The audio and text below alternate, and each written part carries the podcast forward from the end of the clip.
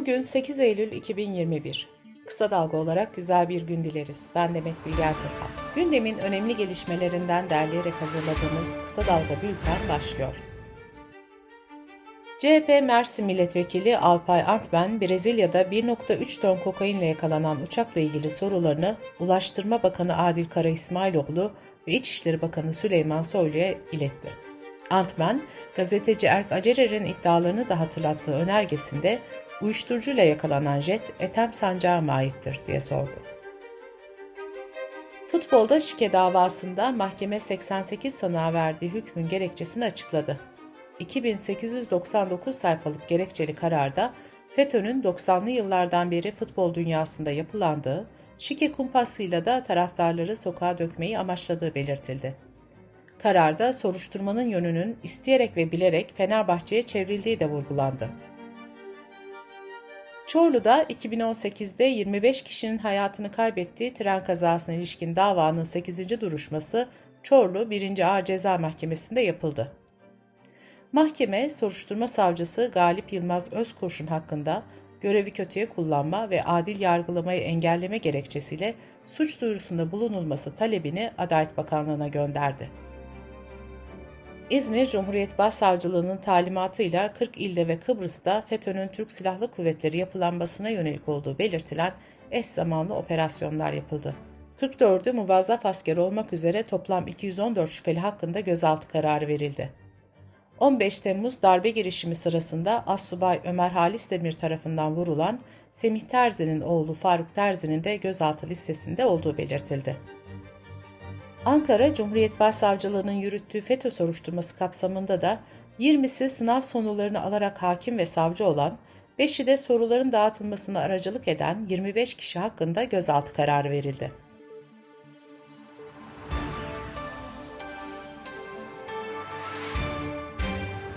İzmir'deki 9 Eylül Üniversitesi Tıp Fakültesi Hastanesi'nde pandemi nedeniyle hayatını kaybeden sağlık çalışanları için saygı duruşunda bulundukları gerekçesiyle açığa alınan hemşireler Günseli Uğur ve Arzu Sert yaklaşık 7 ay sonra görevlerine iade edildi. Deva Partisi Cumhurbaşkanı Erdoğan'ın 6 ay önce açıkladığı İnsan Hakları Eylem Planı'na ilişkin takip raporu hazırladı. Rapora göre planda bir aylık hedefte yer alan 6 hedefin hiçbirisi gerçekleştirilmedi. Toplamda ise 130 hedeften sadece 36 tanesi hayata geçirildi. Pınar Gültekin cinayetiyle ilgili 4 yeni şüpheli hakkında da dava açıldı. Katil zanlısı Metin Avcı'nın annesi Ayten ve babası Selim Avcı, Şükrü Gökhan Orhan ve Avcı'nın boşandığı eşi Eda Karagün hakkında cinayetten sonra olay yerine giderek delilleri gizlemeye çalıştıkları suçlamasıyla iddianame hazırlandı. Temmuz ayında yayınlanan Hayvanları Koruma Kanunu kapsamında ilk soruşturma tamamlandı. İddianamede evinin bahçesinde 11 köpeğin cansız bedeni bulunan ve 7 köpeği de uygunsuz koşullarda tuttuğu için tutuklanan kadının 10,5 yıla kadar hapiste cezalandırılması istendi. İzmir'de 18 yaşından küçüklere otobüs ve uçak bileti satışı yasaklandı. İzmir Emniyet Müdürlüğü'nden yapılan açıklamaya göre Karar, evden ve yurttan kaçan, kaybolan çocuk ve gençlerin başlarına gelebilecek olayların engellenmesi için alındı. Bültenimize COVID-19 gelişmeleriyle devam ediyoruz. Sağlık Bakanı Fahrettin Koca, Dünya Sağlık Örgütü'nün aşılara karşı dirençli olduğunu açıkladığı Mu varyantının Türkiye'de iki kişide görüldüğünü söyledi. Nüfusa oranla en fazla vakanın görüldüğü iller sıralamasında birinci sıradaki Rize, ikinci sıradaki Bayburt ve altıncı sıradaki Trabzon'da servis ve yoğun bakım üniteleri doldu. Karadeniz Teknik Üniversitesi'nden Profesör Doktor Faruk Aydın, aşısızların baskın olduğu, yoğun olduğu bir salgın yaşıyoruz. Aşılarımız hala %70 civarında, %30'luk bir kesim korumasız dedi. İstanbul'da sahte aşı kartı düzenlemek suçlamasıyla 6 kişiye operasyon yapıldı, 3 hemşire tutuklandı. Türk Tabipleri Birliği Merkez Konsey üyesi Halis Yerlikaya aşı olmayan hamilelerin koronavirüsünü daha ağır geçirdiğini belirtti. Yerlikaya 2 Temmuz 1 Eylül tarihleri arasında Diyarbakır'da 9 kadının yaşamını yitirdiğini söyledi. İstanbul Valisi Ali Yerlikaya kentte dün itibariyle 12-19 yaş aralığında 433.014 gencin aşılandığını duyurdu. 12 yaş ve üstü için aşılar 6 Eylül'de tanımlanmıştı.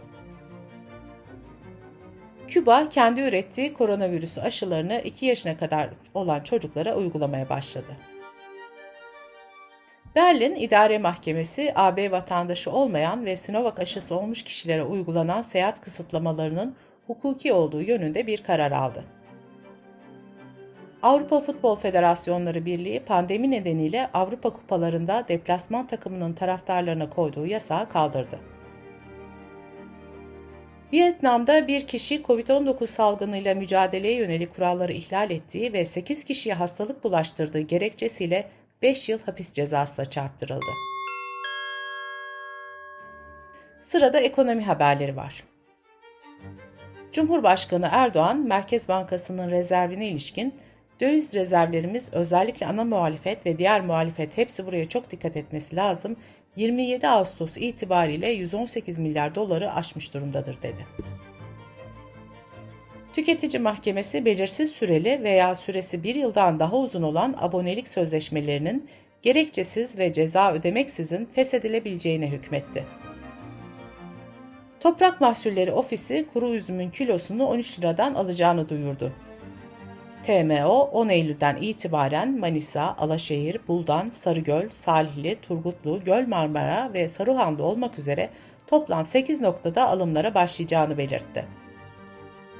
CHP Manisa Milletvekili Bekir Başevirgen, bu fiyat üreticinin hiçbir şekilde maliyetini karşılamayacak dedi. El Salvador, dünyada Bitcoin'i resmi para birimi olarak kabul eden ilk ülke oldu. Ülkede dün yürürlüğe giren yasayla tüm iş yerleri Amerikan doları ile birlikte Bitcoin ile yapılan ödemeleri de kabul etmek zorunda. Yeni yasaya göre Bitcoin'i kabul etmeyen işletmeler cezalandırılacak. 3 Bitcoin yani yaklaşık 155 bin dolar yatırım yapan yabancılara ise oturma izni verilecek. Dış politika ve dünyadan gelişmelerle devam ediyoruz. Dışişleri Bakanı Mevlüt Çavuşoğlu, Kabil Havalimanı ile ilgili Katar ve ABD ile birlikte çalışıyoruz dedi. Çavuşoğlu, Türkiye'nin Taliban'ı tanıyıp tanımayacağına ilişkin aceleci olmamak gerekir, dengeli hareket etmek gerekiyor. Hükümette sadece Taliban olursa diğer etnik gruplardan insanlar olmazsa olmaz diye konuştu. Taliban sözcüsü Mücahit, Türkiye ile ilişkiler konusunda açıklamalarda bulundu. Türkiye dost ve kardeş bir ülkedir, çok derin ilişki ve bağımlılık içerisindeyiz ifadelerini kullanan Mücahit, Türkiye'de bize karşı ilişkisini iyi tutmalı dedi. Uluslararası Af Örgütü'nün yeni raporuna göre Suriye'ye geri dönen sığınmacılar güvenlik güçlerince gözaltına alınıyor ve işkenceye uğruyor. Raporda gözaltında kayıp, cinsel saldırı ve tecavüz vakaları da kaydedildi. Brezilya Devlet Başkanı Bolsonaro, sosyal medya platformlarının içerik ve kullanıcı hesaplarını keyfi olarak kaldırmasına sınırlama getirecek yeni bir kararname imzaladı. Almanya'da federal parlamento seçimleri öncesinde Rusya kaynaklı olduğu öne sürülen siber saldırılarda artış kaydedildi. Federal hükümet bu durumdan duyduğu rahatsızlığı resmi kanallarla Moskova'ya iletti. Mesajlaşma uygulaması WhatsApp, kullanıcıların en çok şikayet ettiği özellikler arasında yer alan son görülmede değişikliğe gitmeye hazırlanıyor. WhatsApp kullanıcıları artık kara liste oluşturarak bu kişilerden son görülme zamanını gizleyebilecek. Bültenimizi kısa dalgadan bir öneriyle bitiriyoruz. Genç Bilim'de Hitit Üniversitesi'nden Doktor Kudret Sezgin, arkeoloji ile pozitif bilimlerin ilişkisini anlatıyor. Kısa Dalga.net adresimizden ve podcast platformlarından dinleyebilirsiniz. Gözünüz kulağınız bizde olsun. Kısa Dalga Medya.